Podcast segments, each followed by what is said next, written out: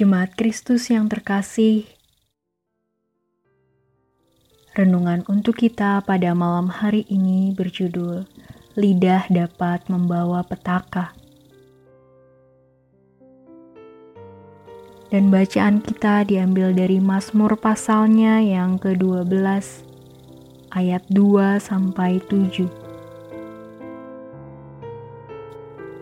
Beginilah firman Tuhan.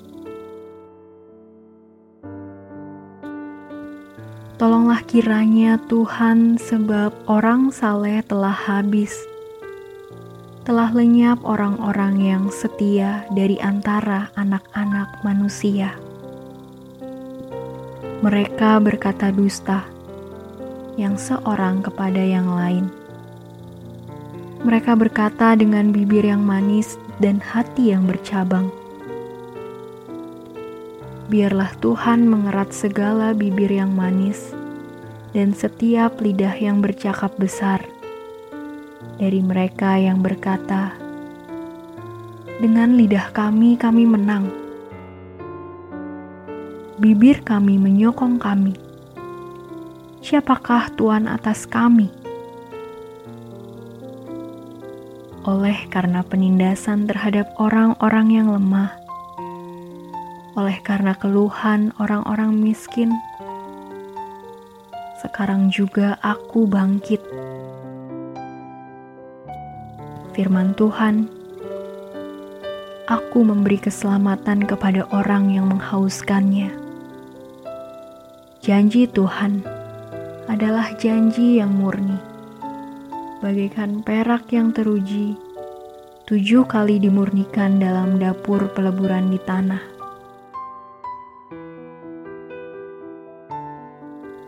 Perkataan adalah sebuah ekspresi dari diri kita yang paling mudah untuk diungkapkan dan diterima oleh orang lain setiap ucapan yang keluar dari mulut kita hampir selalu menjadi ukuran orang lain untuk menilai cara pikir yang kita miliki.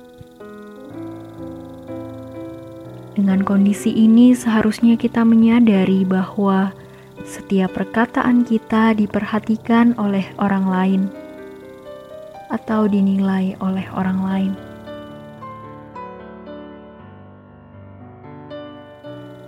Ada banyak faktor yang dapat mempengaruhi cara kita berkomunikasi. Misalnya kondisi finansial, konflik, atau komunitas yang ada di sekitar kita. Dan biasanya memang sangat dinamis perkembangan yang terjadi dalam gaya komunikasi kita. Karena sedikit banyak juga lingkungan berpengaruh dan memberi dampak yang signifikan.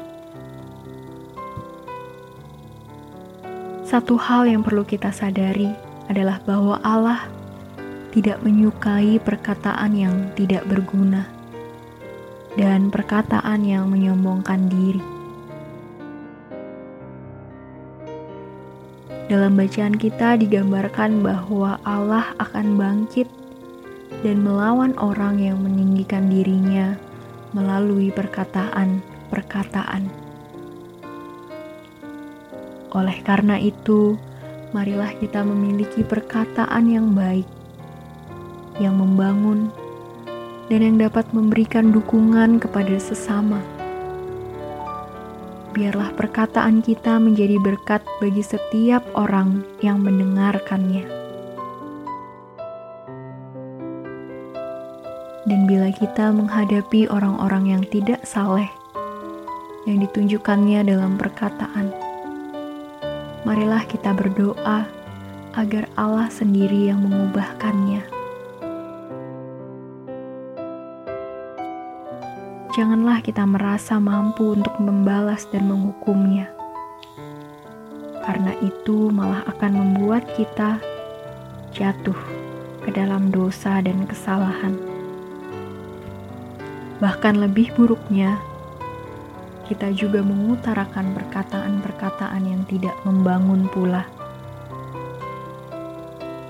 Jagalah perkataan kita, agar kita menjadi berkat bagi sesama dan kita juga dijauhkan dari hukuman Allah. Biarlah melalui perkataan kita, Tuhan memberkati dan menopang kita.